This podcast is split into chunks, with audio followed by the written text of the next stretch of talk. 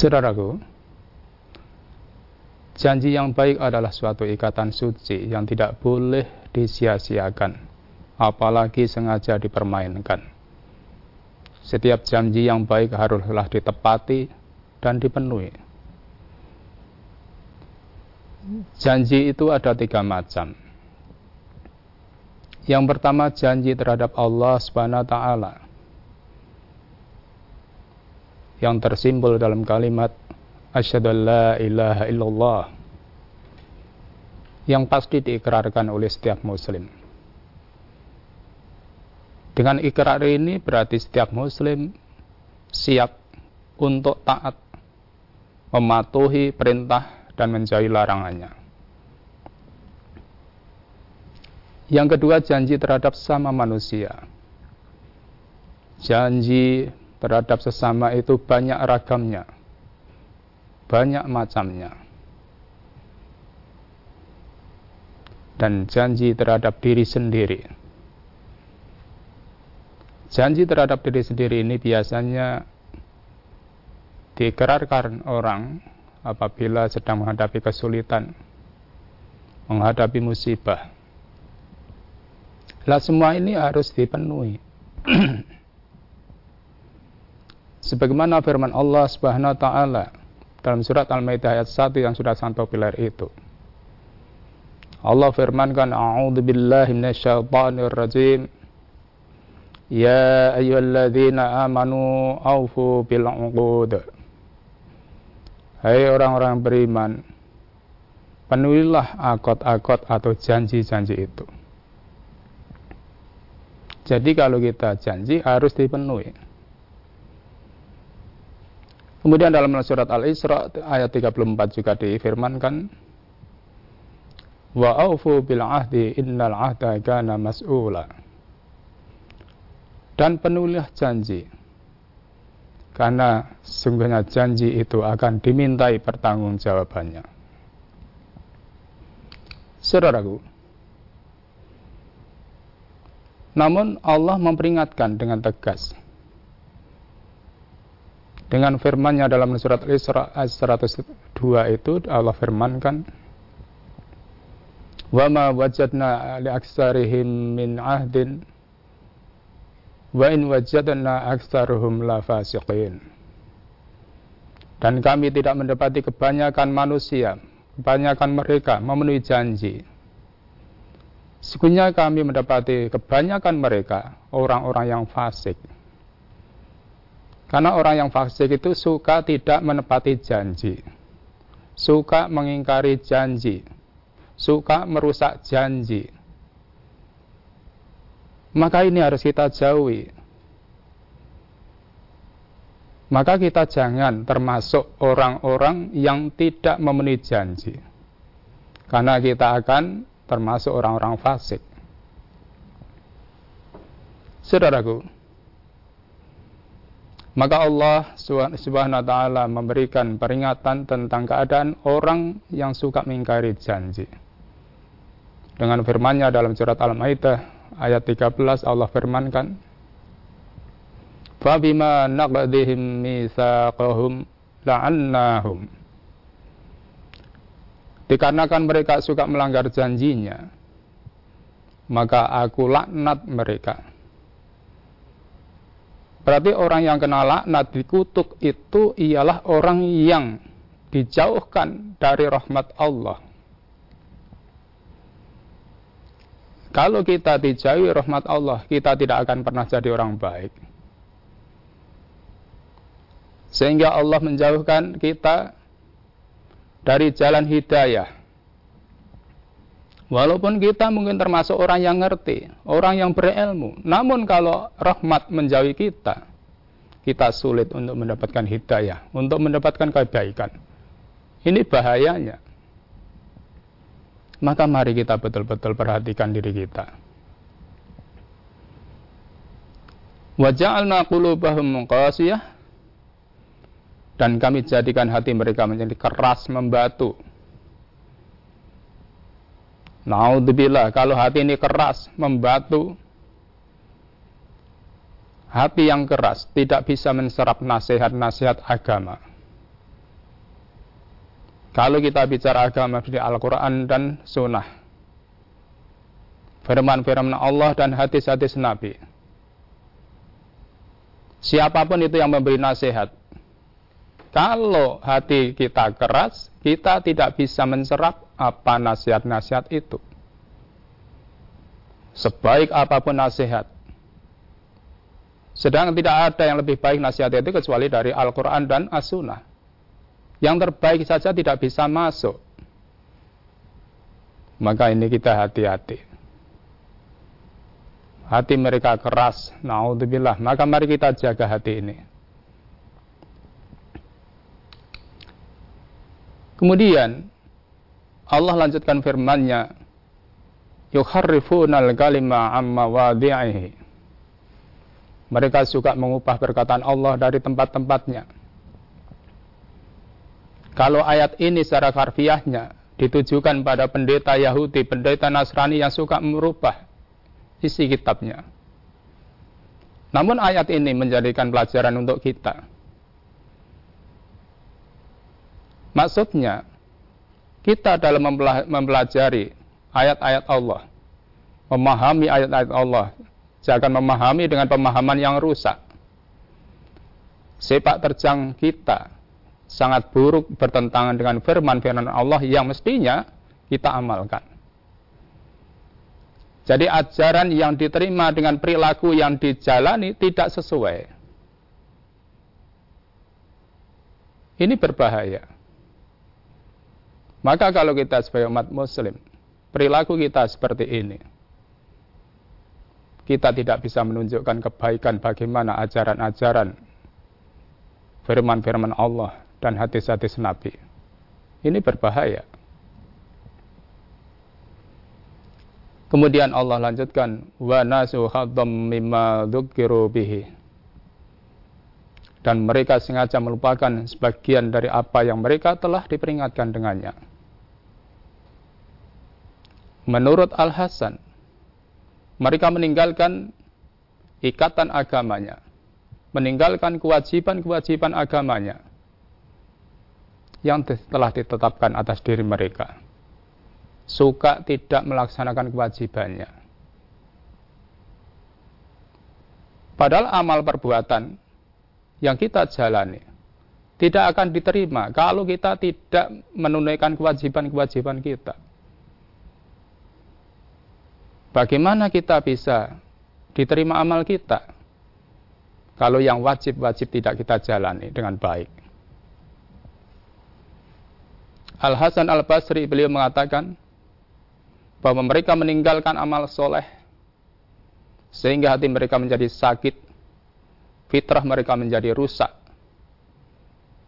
Padahal fitrah itu suci, tapi bisa jadi rusak kalau kita meninggalkan perbuatan-perbuatan yang menjadikan amal soleh. Saudaraku,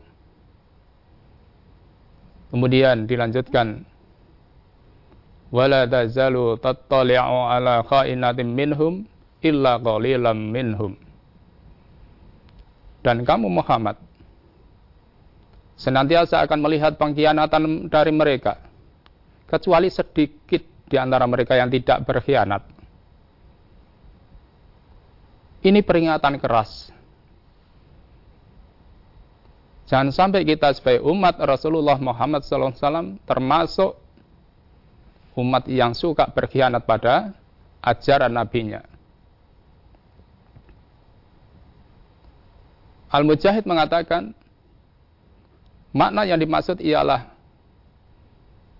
perkesekutuan mereka untuk menghancurkan, menggagalkan misi dakwah Rasulullah Sallallahu Alaihi Wasallam. Ini tentunya kalau orang kafir, orang di luar Islam, itu wajar. Namun kalau ini dilakukan orang Islam, ini kita ambil pelajarannya. Jangan sampai kita seorang muslim sepak terjang kita. Jangan sampai merugikan dakwah. Baik itu ucapan kita, akhlak kita, perilaku kita yang sering tidak kita sadari justru menjadi penghalang dan merusak merugikan perjalanan dakwah yang mestinya kita harus dukung dan kuatkan.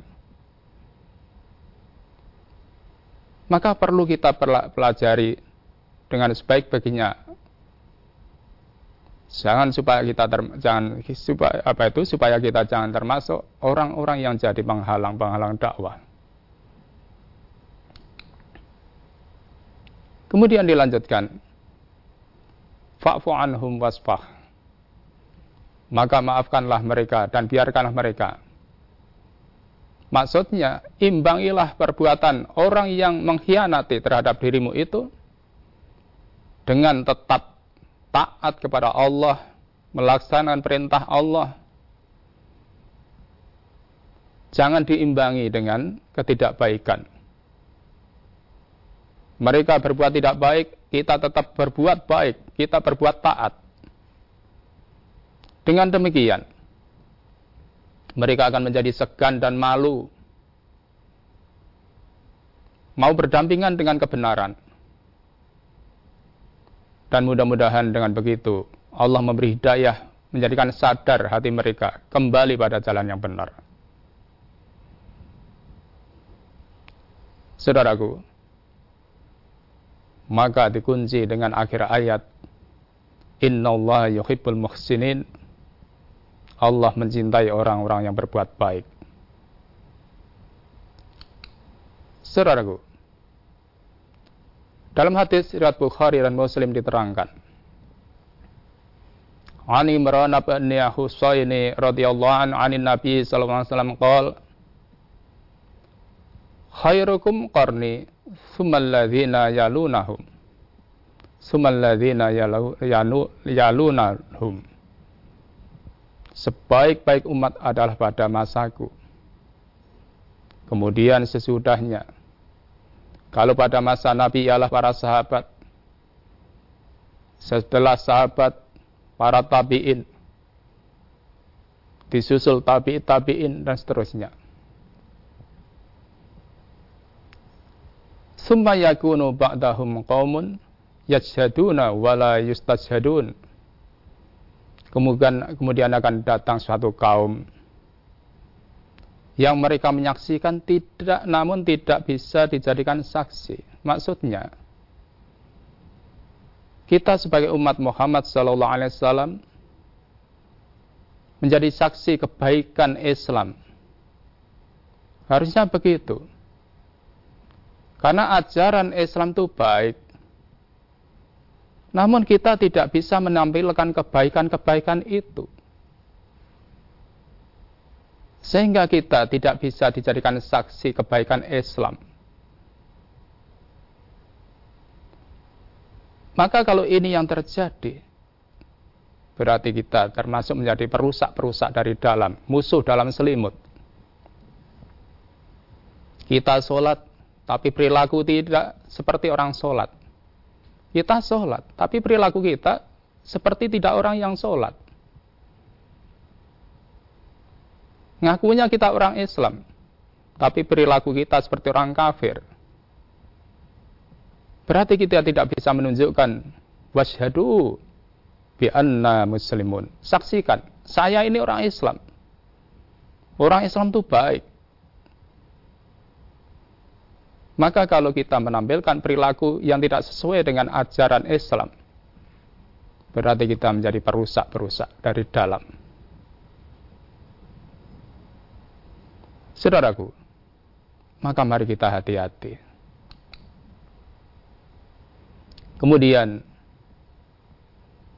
wayakhununa waladu tamanun mereka juga berkhianat mereka tidak bisa dipercaya. Maka kalau sudah seperti itu, apa yang diharapkan dari kita ini? Kita sebagai seorang muslim tidak bisa menunjukkan kebaikannya sebagai seorang muslim. Kita sebagai orang Islam, tapi perilaku kita seperti orang-orang yang tidak Islam.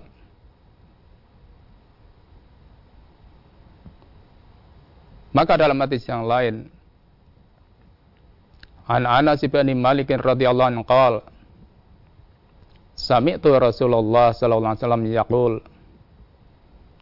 Salasun man kunna fihi wa huwa munafiqun wa in shoma wa shalla wa hajja wa umrata. Ini peringatan keras. Dari Anas bin Malik radhiyallahu an ia berkata, saya mendengar Rasulullah sallallahu alaihi wasallam ada tiga perkara yang apabila tiga perkara itu ada pada seorang dia adalah seorang munafik naudzubillah meskipun dia berpuasa, meskipun dia sholat, meskipun dia haji, meskipun dia umrah,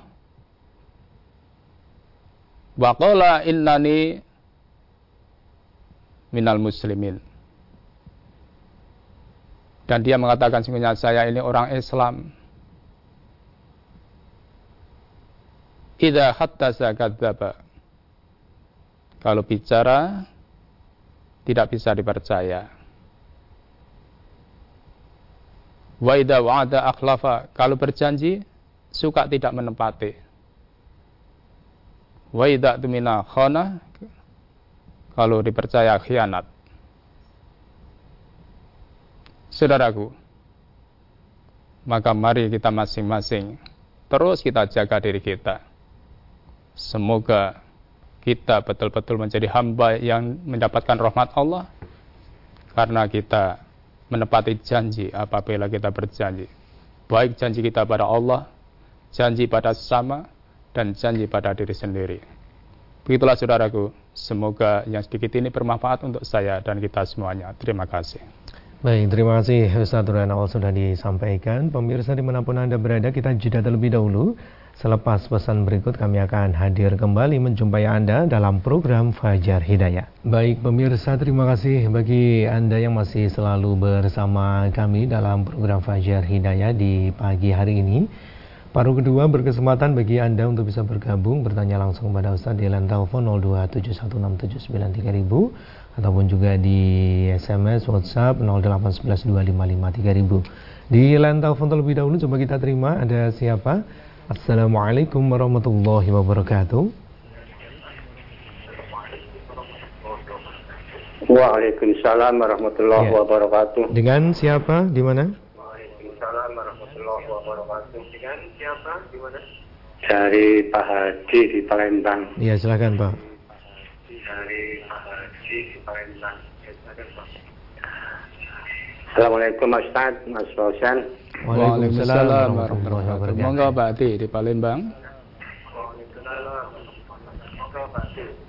Mapa nih di luar tema.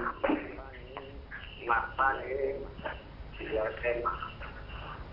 Saya itu menerima warisan dari orang tua berupa sebidang tanah. Tapi tanah tersebut hasil rekayasa menzolimi orang lain. Nah, yang saya tanyakan, apakah saya ikut menanggung atau memikul dosanya Pak Ustadz? Yang kedua, bagaimana jalan keluarannya supaya tanah tersebut bisa dihalalkan.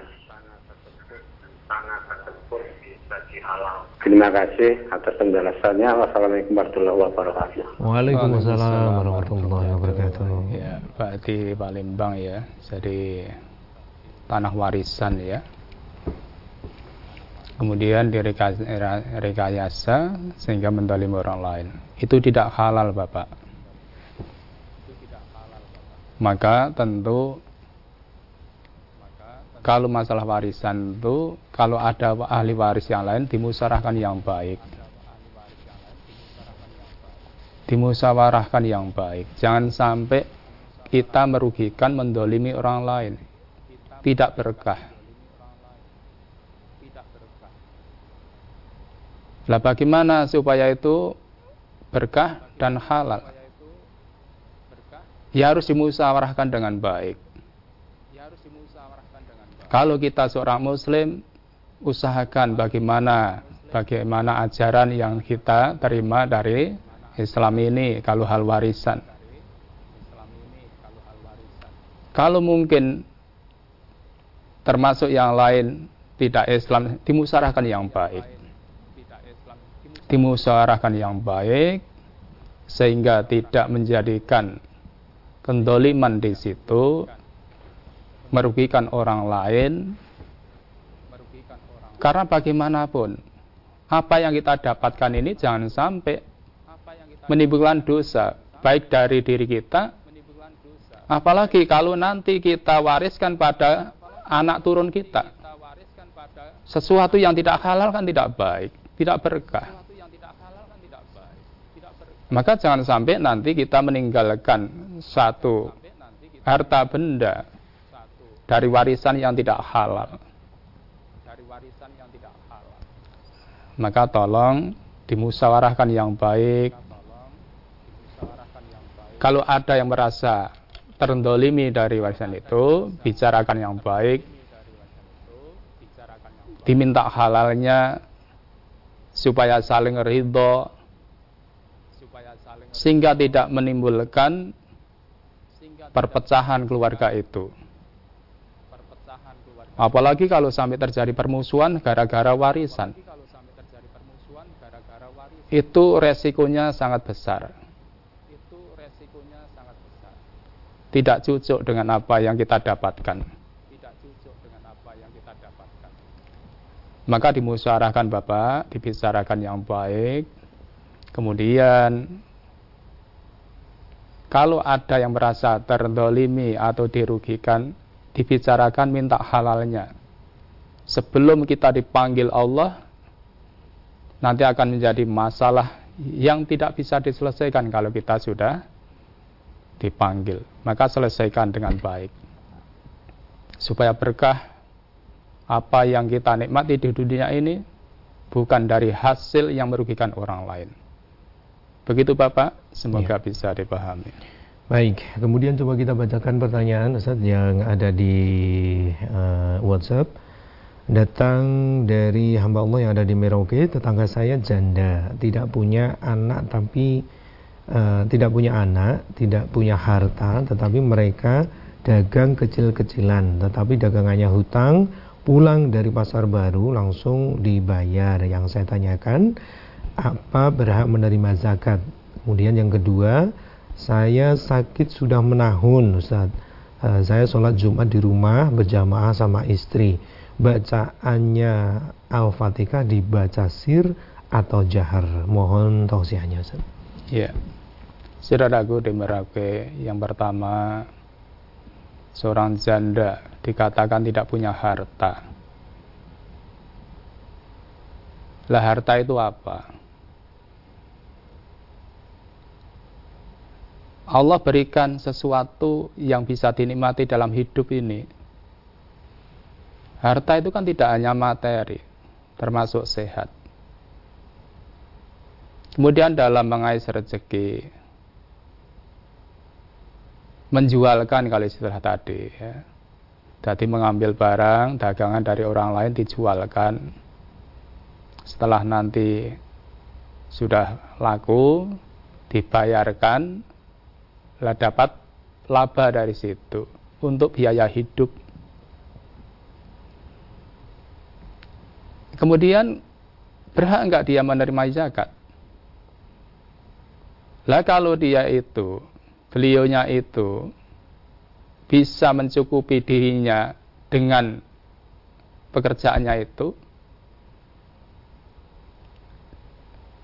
dia tidak berhak menerima zakat karena dia orang cukup. Dia orang cukup. Namun kalau memang karena kan yang paling tahu yang dekat seperti apa kondisinya. Karena kalau kita itu urusan zakat ini dikatakan orang miskin. Miskin itu kalau kriteria secara hukumnya dia tidak bisa memenuhi kebutuhan hidup kecuali hanya separuh yang didapatkan atau lebih sedikit. Atau kalau dia dikatakan fakir, dia bisa memenuhi kebutuhan hidupnya kurang dari separuh. Lah kalau itu ada, boleh menerima zakat. Kalau beliau bisa memenuhi kebutuhannya dalam kehidupannya, beliau tidak menerima zakat. Kemudian yang kedua, yang pertama, saudaraku di Merauke, semoga Allah segera berikan kesembuhan dari penyakitnya yang barangkali cukup mengganggu, sehingga Jumatan saja tidak bisa berangkat. Mudah-mudahan diberikan kesabaran dan kesembuhan. Kemudian bagaimana sholat di rumah berjamaah dengan istrinya? Ya kalau namanya sholat jamaah dan itu jumah ya baca jahar. Bacanya jahar. Itulah sholat jumah. Gitu. Karena kondisi keterpaksaan tidak bisa berangkat ke masjid karena sakit. Begitu saudaraku, ya. semoga bisa dipahami. Kemudian berikutnya coba kita bacakan kembali yang ada di uh, WhatsApp. Ustaz, uh, Ustaz mau tanya kalau doa pada sujud terakhir itu bacaannya komat kamit apa di batin Ustaz? Karena doa saya memakai bahasa Jawa. Ibu Sri di Klaten. Ya, Ibu Sri di Klaten ya, namanya doa. Jadi doa itu kan satu permohonan. Kemudian ibu doa dengan bahasa sendiri, bahasa Indonesia atau bahasa Jawa. Itu dibatin atau dibaca? Ya dibaca, namanya doa. Kita membaca apa yang dimohonkan. Yang penting kita dalam berdoa itu untuk Allah wa antum muqinum bil ijabah. Kalau kita berdoa pada Allah itu kita yakin Allah akan mengabulkan doa kita. Karena kita tidak bisa dengan bahasa Arab, ya dengan bahasanya sendiri boleh ya dibaca. Karena Allah itu bukan hanya Tuhannya orang Arab. Dengan bahasa apa pun Allah maha mendengar dan maha mengetahui. Kecuali kalau memang doa khusus yang harus dibaca sesuai dengan petunjuknya. Dengan bahasa Arab kita dengan bahasa Arab. Kalau doa umum ya dengan apa yang kita pahami itu kita mohonkan pada Allah. Jadi dibaca begitu Ibu Sri semoga bisa dipahami ya. Baik, terima kasih Ustaz demikian bisa mudah-mudahan bisa difahami dan kami beri kesempatan kembali untuk Anda yang ingin bertanya langsung kepada Ustaz di telepon 02716793000 ataupun juga di SMS WhatsApp 08112553000. Baik, kita bacakan dari Pak Ari yang ada di Jember. Uh, apakah kalau sholat subuh berjamaah kita tidak ikut kunut dalam sholat? Apa ada hadisnya Ustaz? Mohon dijelaskan. Pak Ari di Jember ya. Jadi dalam sholat subuh berjamaah, kalau tidak ikut baca kunut, apa ada tuntunannya? Maka kalau kita itu dalam sholat berjamaah, tuntunannya itu kita tidak boleh mendahului imam. Kita tidak boleh mendahului imam. Nah kemudian kalau imam membaca kunut, kita tidak membaca kunut karena kita memahami kunut itu tidak begitu. Tidak ada dalam itu subuh. Maka kalau keyakinan kita seperti itu, ya kita menunggu. Lah apa ada dalilnya menunggu? Tidak ada. Yang ada larangannya kita dilarang untuk mendahului imam. Maka sebelum imam sujud, ya kita belum sujud. Jadi kita dalam sholat jamaah kalau imamnya kunut, kita tidak ikut kunut. Namun kita tidak boleh mendahului. Dilarang itu. Ditunggu imam sampai selesai kunutnya, kita baru kunut. Maka antara imam dan makmum, makmumnya memahami tidak ada kunut dalam subuh seperti itu, imamnya kunut, ya saling menghormati. Saling menghormati. Tetap kita bisa bersama dalam sholat berjamaah,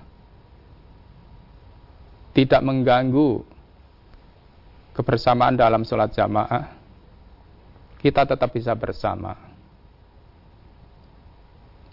Begitu Bapak, semoga bisa dipahami. Ya. Baik, kita menuju ke line telepon sudah ada menanya yang ingin bergabung silahkan. Assalamualaikum warahmatullahi wabarakatuh. Assalamualaikum.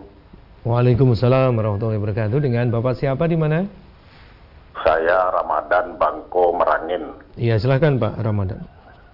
Assalamualaikum Ustaz. Waalaikumsalam warahmatullahi wabarakatuh. Monggo Bapak.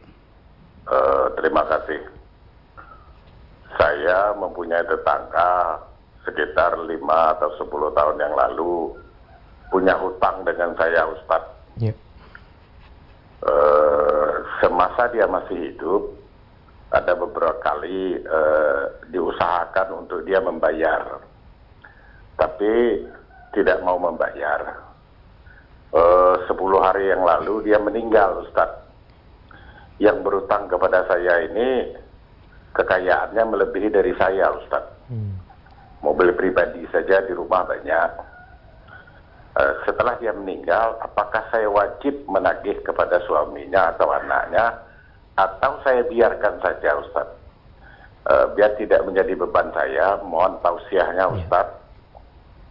Ya, demikian, uh, agar apa yang harus saya lakukan terhadap uh, ahli waris yang ditinggalkan oleh uh, ibu yang meninggal ini. Yeah. Terima kasih Ustadz. Mohon maaf atas kekurangannya. Assalamualaikum warahmatullahi wabarakatuh. Waalaikumsalam warahmatullahi wabarakatuh. Ya, silakan Bapak di Merangin ya. Yeah. Jadi Bapak ya, jadi itu pelajaran untuk kita.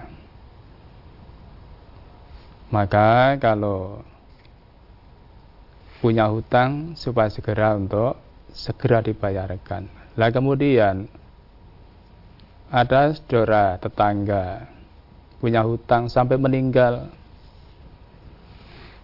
Ketika hidup sudah diusahakan untuk diminta supaya membayar.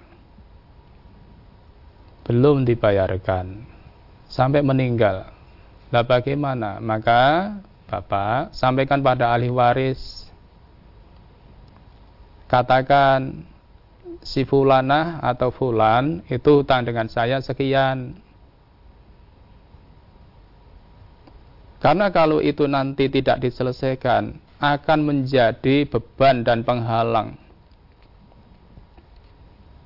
Orang yang baik-baik pun mestinya masuk surga akan terhalang tidak masuk surga karena hutangnya sebelum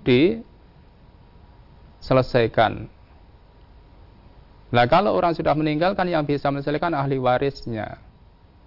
Dan itu warisannya juga mesti banyak katanya orang kaya tadi.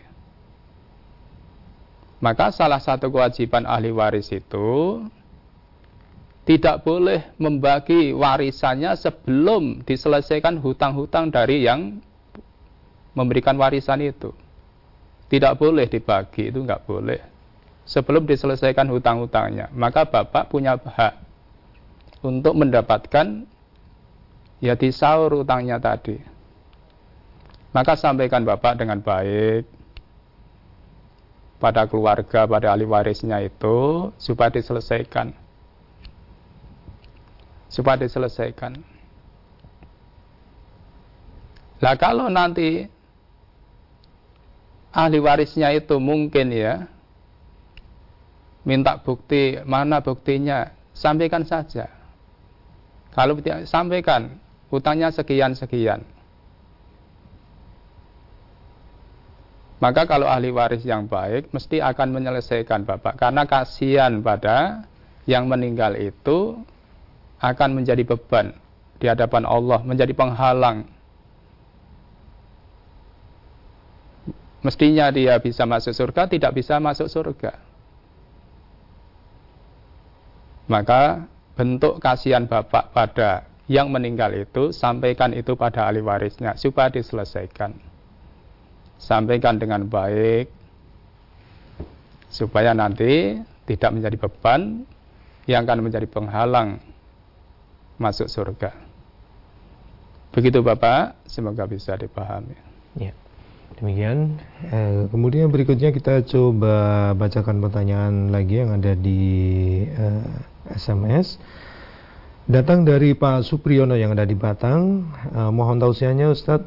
Eh, mohon maaf di luar tema. Kalau seorang menanam pohon pisang bahwa bibitnya hasil curian, berarti bibit tersebut haram. Pertanyaannya, apakah dari bibit pisang tersebut anak-anaknya yang tumbuh dan buahnya yang dihasilkan dari anak pohon pisang tersebut juga menjadi haram Ustaz. Mohon dijelaskan. Iya, Pak Supriyono di Batang ya. Jadi Bapak ya, jadi yang pertama bibit pisang hasil mencuri. Itu kan remeh sekali Bapak. Akhirnya tumbuh dan beranak pinak itu semuanya jadi haram karena hasil awalnya dari hasil curian. Maka jalan keluarnya diminta halalnya. Diminta halalnya pada yang punya dulu mengambil anak pohon pisang tidak nembung mencuri. Bicara bilang pada yang punya minta dihalalkan saya dulu mengambil anak pohon pisang tidak nembung jenengan, minta dikalalkan. Itu jalan keluarnya. Kalau itu tidak ditempuh, nanti ya sampai kapan pun uang itu hasilnya hasil dari dari awal yang mencuri kan tidak halal. Kan kasihan Bapak. Yang kita makan tidak seberapa. Hasilnya tidak seberapa, tapi kan menimbulkan dosa maka segera minta dihalalkan. Bilang sama yang punya, kasihan itu. Kalau itu nanti dimakan istri, dimakan anak kita, cucu kita, kan berarti kita memberikan sesuatu yang tidak halal. Kita dosa itu. Kita dosa. Maka segera ditempuh untuk dihalalkan. Begitu Bapak jalan keluarnya, semoga bisa dipahami. Ya. Baik, demikian mudah-mudahan bisa dimengerti dan uh, kita sudah berada di akhir jumpa kita pagi hari ini, Ustadz. Sebagai penutupnya bisa disampaikan silahkan. Ya. Saudaraku, pemirsa dan pendengar di mana pun berada, jadi kita dididik oleh agama kita. Kita ini dalam hidup tidak lepas dari hal janji. Kita sebagai seorang muslim sebagai hamba berjanji pada Allah SWT untuk mentaati perintahnya untuk menjauhi larangannya maka mari kita tepati kita hidup di tengah-tengah masyarakat kita juga punya janji janji pada sesama. Wong kita itu berumah tangga aja kan punya janji. Maka supaya ditunaikan dengan kebaikan-kebaikan. Barangkali kita juga pernah punya janji, diingat-ingat kita janji pada diri sendiri. Ketika masih sulit, akan begini, begini, ini besok kalau sudah kaya dan seterusnya, maka ditunaikan ditunaikan. Karena kalau kita ini menyalahi janji kita, bahaya. Kita akan dijauhi dari rahmat Allah dan masuk pada golongan orang fasik. Dan itu berarti kehidupan kita tidak baik. Maka semoga kita ini bisa menunaikan janji-janji kita. Sehingga kita tergolong jadi hamba Allah yang beriman dan insya Allah hidup kita berkah. Kita tidak dijauhi oleh rahmat, namun kita ini mendapatkan berkah dalam kehidupan kita dan hati kita tidak menjadi keras hati kita menjadi lunak, lembut sehingga mudah menerima nasihat dari siapa pun yang mengarah pada kebaikan-kebaikan kita. Saudaraku, begitulah kiranya. Semoga bermanfaat untuk saya dan kita semuanya. Terima kasih. Baik, kami ucapkan banyak terima kasih Ustadz uh, kehadirannya dan juga materinya. Assalamualaikum warahmatullahi wabarakatuh. Waalaikumsalam warahmatullahi wabarakatuh. Pemirsa di mana pun Anda berada, demikian tadi Fajar Hidayah untuk edisi hari ini. Terima kasih atas perhatian Anda. Insya Allah kita akan lanjutkan di episode mendatang. Mari kita akhiri. Alhamdulillahirrabbilalamin. Subhanakallahumma bihamdika. Asyhadu an la ilaha illa anta astaghfiruka wa atubu ilaik. Billahi taufiq wal hidayah. Wassalamualaikum warahmatullahi wabarakatuh.